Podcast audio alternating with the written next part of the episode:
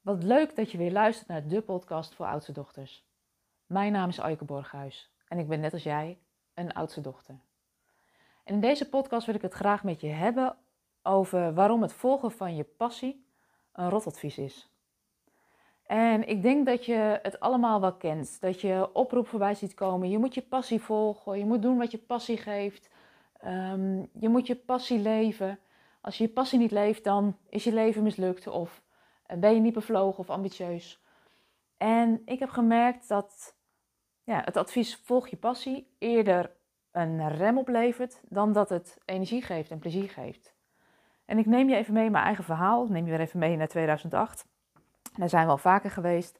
Dat is het moment dat ik vastliep in mijn werk, vastliep in alle rollen die ik uh, vervulde, alle ballen die ik hoog hield. En toen vroeg ook die coach aan mij: Ja, wat is je passie? En ik zat er een beetje glazig aan te kijken en ik wist het echt niet. En ja, wat ik bij mezelf ontdek en ook wel om me heen zie, is dat het woord passie zo groot is dat het eigenlijk vaak belemmert om in beweging te komen. Wat we dan vaak gaan doen, tenminste dat is wat ik deed, is dat ik buiten mezelf ging zoeken van wat geeft mij passie? Wat denk ik dat mij passie geeft? En wat er daardoor gebeurde is dat passie iets werd wat buiten mezelf lag, waardoor ik niet in beweging kwam. Want als ik niet weet wat mijn passie is, ja, wat, wat kan ik dan doen? En ik merkte dus bij mezelf dat dat niet werkte en dat dat verlamde. En dat zie ik ook bij veel mensen om me heen. En dat werd ook nog eens bevestigd toen ik een podcast luisterde van um, Oprah Winfrey. En zij interviewde op dat moment Elizabeth Gilbert in de Super Soul Conversations. En daarin bekende Elizabeth Gilbert dat zij jarenlang mensen ook had gezegd dat je je passie moet volgen. En dat ze daar eigenlijk wat op terug was gekomen. Want het risico van je passie volgen is dat het groot is, dat het buiten jezelf ligt. En als je niet weet wat je leuk vindt, dat je daar eigenlijk niet zo goed achter kan komen wat dat is. En dat je daardoor dus niet in beweging komt. Wat zij ontdekte en wat ik in die tussenliggende tijd zelf ook al ontdekte, is dat het veel helpender is om jezelf de vraag te stellen: wat maakt me nou eigenlijk blij? Wat vind ik nou eigenlijk leuk om te doen? Wat kan ik nou uren achter elkaar doen en verveelt er eigenlijk nooit? Waar kun je me misschien s'nachts wel voor wakker maken? Of wat vind ik altijd leuk om te doen? En dat is vaak al lastig genoeg. Want als ik kijk naar veel van de oudste dochters met wie ik werk, dan werken ze vaak heel hard, zorgen voor alles en iedereen. En pas als zij aan de beurt zijn, dan, ehm, ja, als de tijd over is, dan, dan is het tijd voor hun. En als je altijd genoegen neemt met de restjes, dan ben je vaak ook moe tegen die tijd dat het zover is. En wat ik vaak zie bij die oudste dochters, is dat ze eigenlijk helemaal niet zo goed weten wat ze nou eigenlijk leuk vinden. Wat ze nou eigenlijk blij maakt.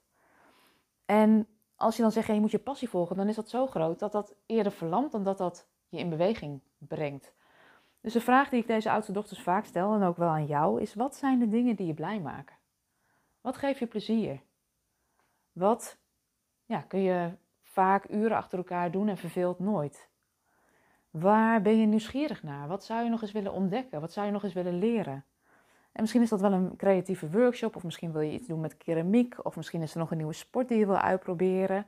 Misschien wil je wel een muziekinstrument leren spelen, misschien wil je wel zingen.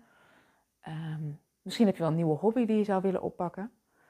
En ik merk dat als je het dus zo klein maakt van wat geeft me plezier of wat maakt me blij, dat dat veel makkelijker in te passen is in je leven. Dus ook als je wat minder tijd hebt, is het misschien best wel haalbaar om wel naar een museum te gaan.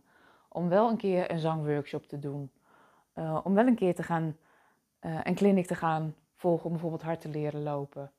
Om wel dat boek uh, te pakken en te gaan lezen. Om wel op YouTube eens een keer te onderzoeken van wat, wat fascineert je, wat maakt je nieuwsgierig en waar zou je meer over willen, willen weten. Dus mijn ervaring is dat het volgen van je passie een rotadvies is, omdat het te groot is en vaak buiten jezelf ligt. En ja, wat ik heb ontdekt waar een sleutel zou kunnen liggen om het makkelijker te maken voor jezelf, is eigenlijk jezelf de vraag te stellen: wat maakt me blij? Wat geeft me plezier? Hoe ontspan ik? Wat vind ik altijd leuk om te doen? Ik ben heel benieuwd wat je, uh, of je wat uit deze podcast hebt gehaald. Dus als je een nieuw inzicht hebt opgedaan, vind ik dat altijd leuk om te horen. Dus je kan me altijd een berichtje sturen op info.aikeborghuis.nl Mocht je deze podcast nou leuk vinden, abonneer je dan. Voel je nou zelf ook van ik zou wel wat anders willen en ik weet eigenlijk niet zo goed waar ik moet beginnen? Weet dat we je ook graag zouden helpen. Je zou dan eens een kijkje kunnen nemen op www.oudstedochter.com. We zijn hiermee aan het einde gekomen van deze podcast, waarom het volgen van je passie een rotadvies is en wat je kan doen om wel te ontdekken wat je blij maakt. En uh, daarmee wil ik deze podcast afronden. Ik wens je een hele fijne dag en uh, wie weet spreken we elkaar binnenkort.